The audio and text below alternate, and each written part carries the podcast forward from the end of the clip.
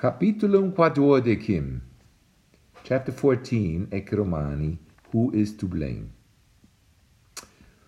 Ubi descendit raida in fossam concidunt omnes. Nemo tamen e raida cadit. Mox cuncti in viam e raida descendunt, soliciti, sed in columes. Cornelius, quamquam gaudet, quod omnes sunt incolumnes, raedarium miserum reprehendit.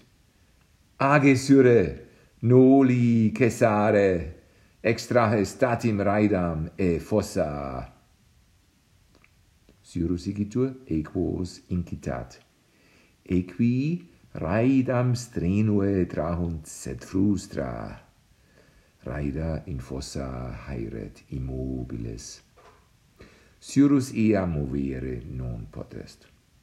O sceleste, inquit Cornelius, tua culpa raida est in fossa, quid tu faciebas ubicisium apropinquabat, dormiebas ne? Interpellat Sextus, Syrus non dormiebat, sed per viam placite ibat, dum apropinquabat cisium. Ego et Marcus spectabamus quisium, quod celerri meo apropinquabat. De indi tabellarius equos ad raidam nostram debatibat. Periculum erat magnum.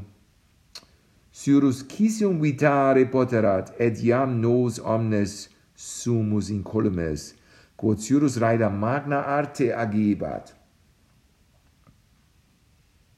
Tum Cornelius rogat, Dunecisium spectabas marce ubi apropinguabat?